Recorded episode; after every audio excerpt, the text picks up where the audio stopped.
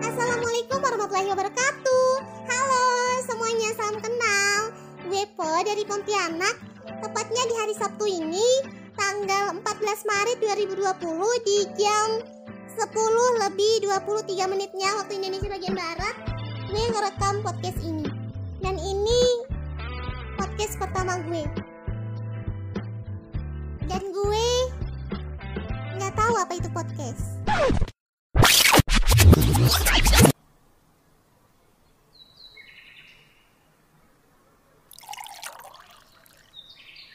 Nah, setelah gue cari tahu, gue pahami bagaimana sebuah podcast itu dibuat, ya kan?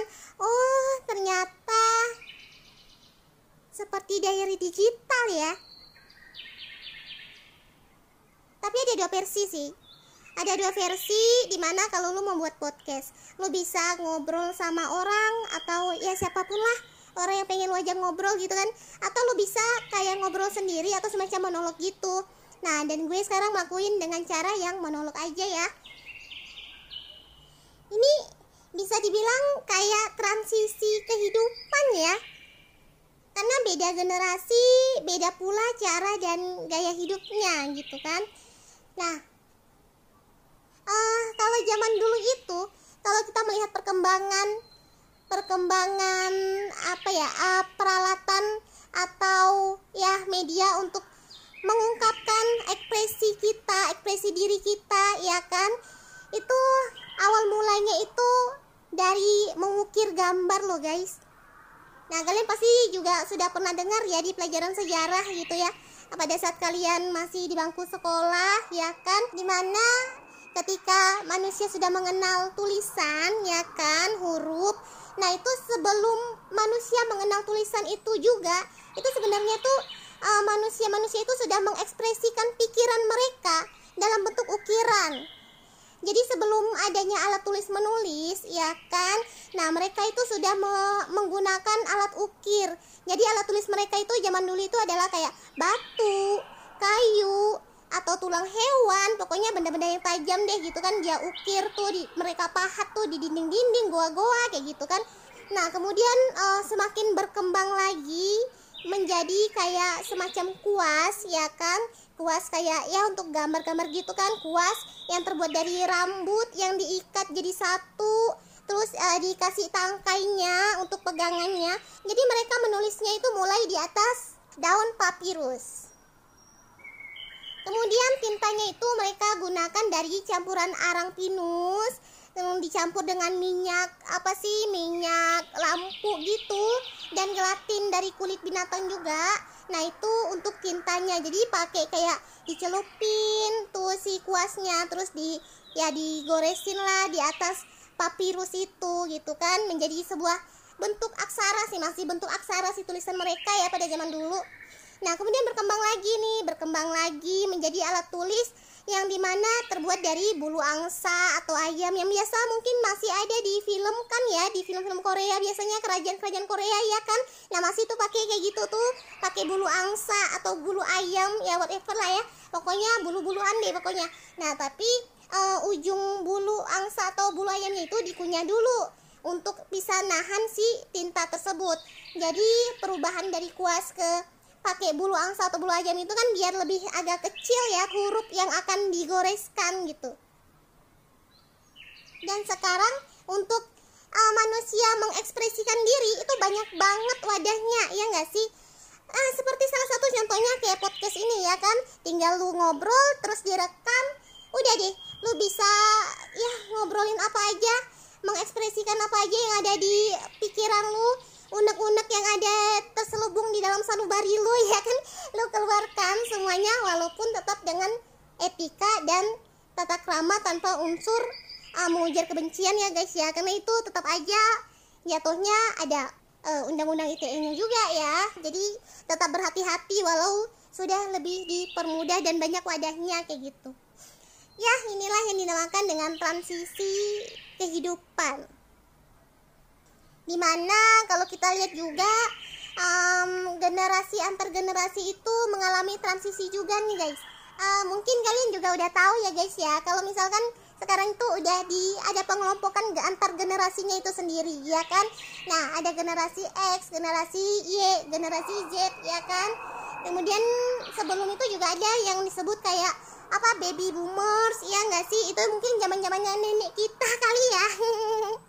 Nenek kita tuh nah ini uh, Po akan membacakan sebuah artikel yang Po lansir dari um, kumparan.com dijabarkan semua oleh si kumparan.com ini karena ini termasuk juga peralihan atau transisi antara masa ke masa nih. Nah, kalau generasi baby boomers ini dari kelahiran tahun 1946 sampai 1960 pada kehidupan masa itu kecenderungan minim banget lapangan pekerjaan. Nah, karena minim banget nih lapangan pekerjaan mengharuskan generasi zaman itu memiliki sifat kompetitif gitu. Dan juga ya orientasi hidup mereka itu lebih kepada pencapaian, kemudian juga mereka itu berdedikasi dan fokus pada karirnya gitu pokoknya generasi yang gila kerja deh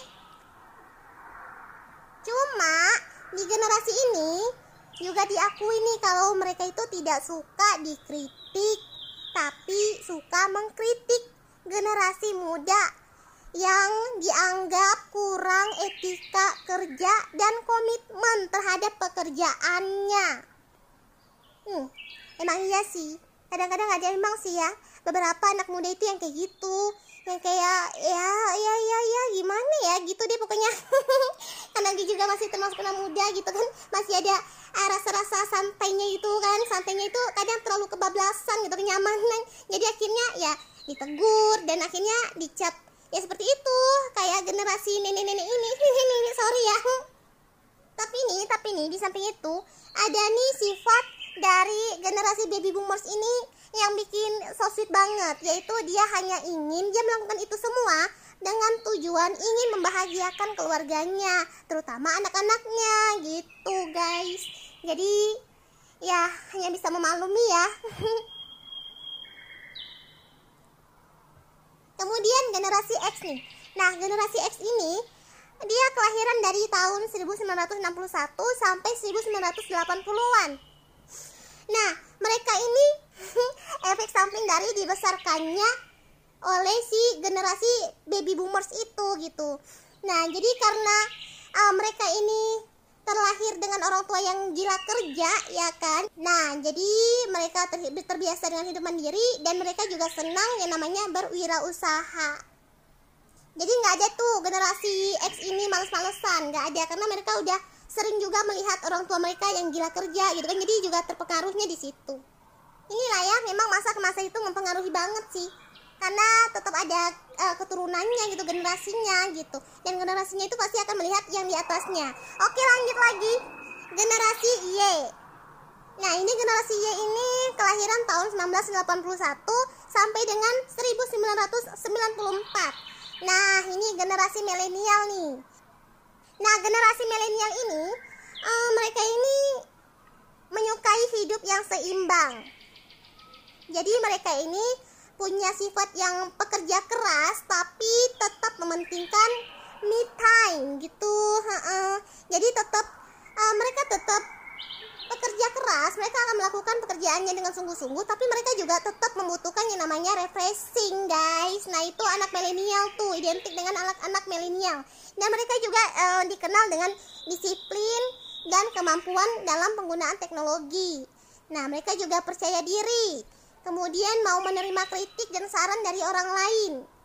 Kemudian mereka ini mencari pekerjaan yang menunjang gaya hidupnya dan bisa tetap melakukan hobinya. Nah, memiliki passion yang besar dan sangat kreatif untuk membuat passionnya itu sendiri menjadi sumber penghidupannya. Nah, jadi saking kreatifnya nih, mereka akan berusaha bagaimana hobi mereka itu bisa menjadi sebuah penghasilan kayak gitu. Nah, keren banget ya. Dan mereka ini suka berpetualang. Itu uh, kecenderungan dari anak milenial atau generasi Y ini ya. Oke, siapa nih generasi milenial nih? Baik, dan selanjutnya ada generasi Z nih. generasi Z ini mulai dari kelahiran tahun 1965 sampai dengan 2010 hmm, ini kayaknya generasi gue deh oke uh, generasi Z ini dikenal sangat tergantung pada teknologi gadget dan juga media sosial nih. Oh, anak gehol ya gehol.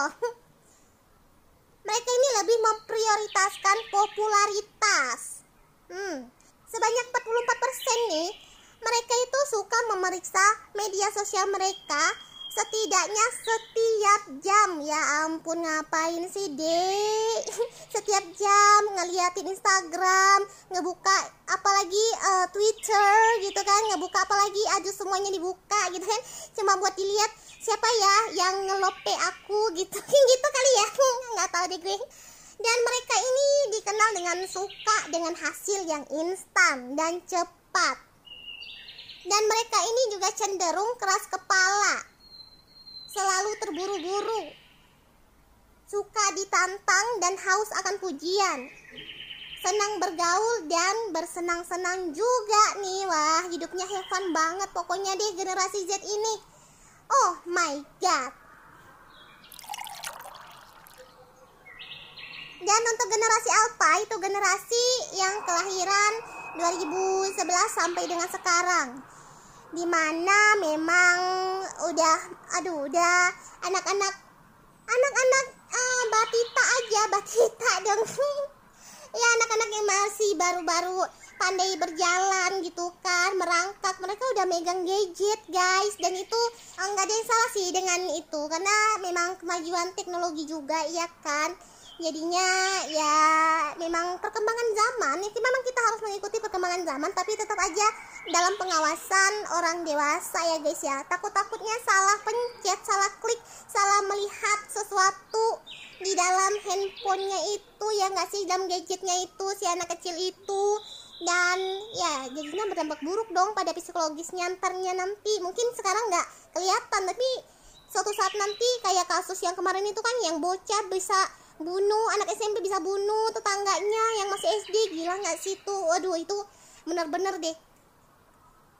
Nah dilihat dari transisi antar generasi ini ah ini juga ada pengaruhnya sih dengan dengan apa dengan transisi negara kita ya nggak sih? Negara Indonesia.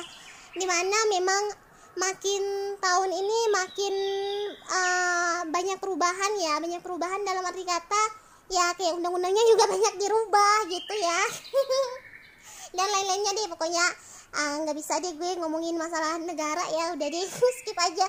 Oke okay, uh, eh, kita lebih ke masuk ke ini aja ya ke budayanya aja. Karena Indonesia itu kan dikenal dengan budayanya yang beraneka ragam ya kan? Beraneka ragam. Jadinya kita akan uh, menyepik sedikit tentang budaya-budaya yang ada di Indonesia dan uh, Po nggak mau yang jauh-jauh aja. Po mau ngebahas yang di sekitar Po aja yang di tempat Po berada saat ini di Pontianak ya enggak sih? Karena kalau ngomongnya banyak Sulawesi lah Sumatera lah atau ke mana lagi ke Jawa nah itu bakalan panjang nih podcastnya. Ya nggak sih? Kalian bakalan bosen dengarnya oke. Untuk budaya di sini hmm, sebenarnya mengalami transisi juga sih guys budaya di Pontianak ini di Kalimantan Barat khususnya ya. Karena ada beberapa yang dulunya dilakukan. Nah untuk sekarang ini udah ditinggalkan gitu. Contohnya kayak misalkan uh, seorang anak itu sudah dianggap dewasa kalau misalkan dia sudah bisa membunuh. Nah itu zaman dulu. Budayanya zaman dulu gitu. Seorang anak laki-laki dianggap sudah sudah dewasa ketika dia sudah berhasil membunuh membunuh orang entah siapa pun ketika dia sudah berhasil membawa kepala orang itu. Itu kan dulu ya. Nah untuk sekarang kan nggak mungkin kan masih diteruskan kan. Jadinya itu sudah ditiadakan. Kemudian yang lainnya juga misalkan seperti uh, potong rambut deh. Nah potong rambut anak kecil gitu kan yang yang baru lahir beberapa bulan gitu kan. Uh, biasanya itu dulunya itu budayanya di sini adalah melemparkan beras kuning, popcorn, dan juga uang logam ke kepada si apa si si si ibunya atau bapaknya yang sedang menggendong si bayi itu gitu. Nah, untuk sekarang sudah ditiadakan juga. Sudah ada beberapa tempat yang masih melakukannya tapi sudah banyak banget yang sudah meninggalkan itu karena ya bayangin duit logam kan dilemparin. Ntar kalau nggak sengaja ke kena kepalanya si bayi kan ya gitu kan bahaya juga kan. Iya jadinya nggak baik gitu. Lagian buang-buang apa ya kayak menghambur-hamburkan uang gitu kan jadinya kan. Kesannya kayak gimana gitu. Jadinya mulai perlahan di, ditiadakan untuk di sini kayak gitu. Walaupun masih ada di beberapa tempat yang melakukan seperti itu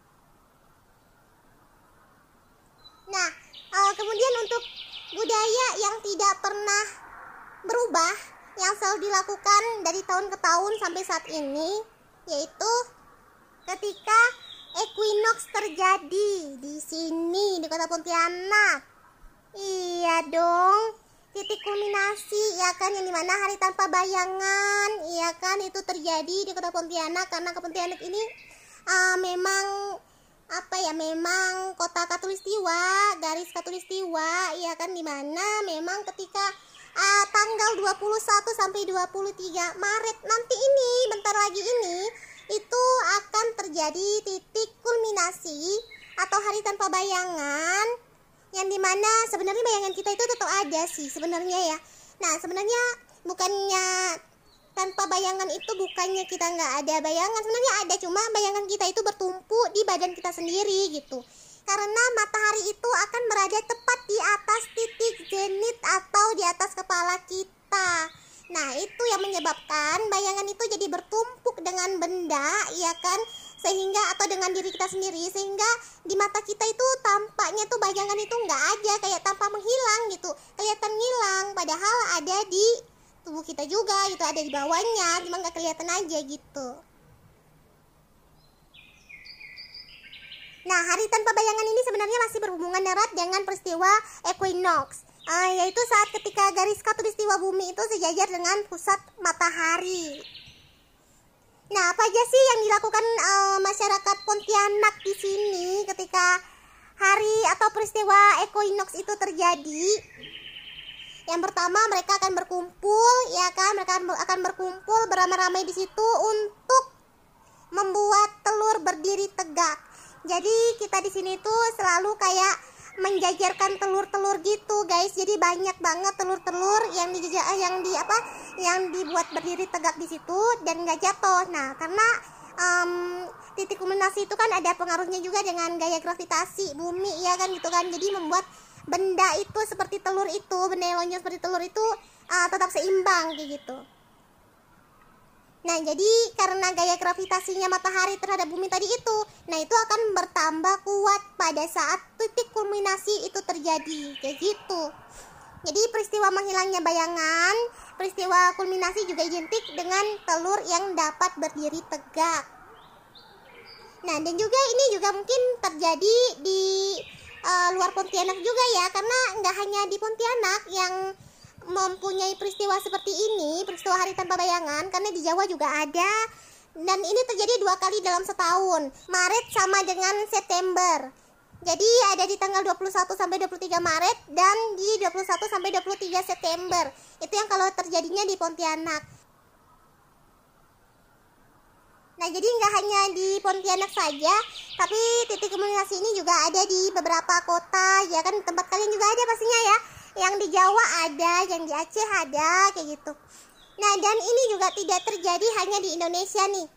Nah, kulminasi ini juga dapat dinikmati oleh negara-negara yang terletak di garis katulistiwa.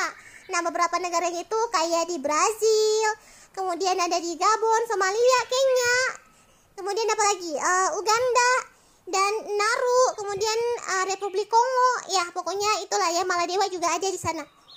Kayak gitu. Dan kadang juga di hari itu kita akan melakukan seperti event-event gitu ya. Mungkin seperti ada perlombaan-perlombaan ya kan? Yang diadakan di Tugu Katulistiwanya langsung.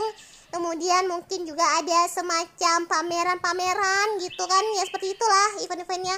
Ya oke. Okay. jadi seperti itulah isi podcast gue yang pertama ini semoga dimengerti isinya dan tetaplah menjadi pribadi yang cool, confident, and classy.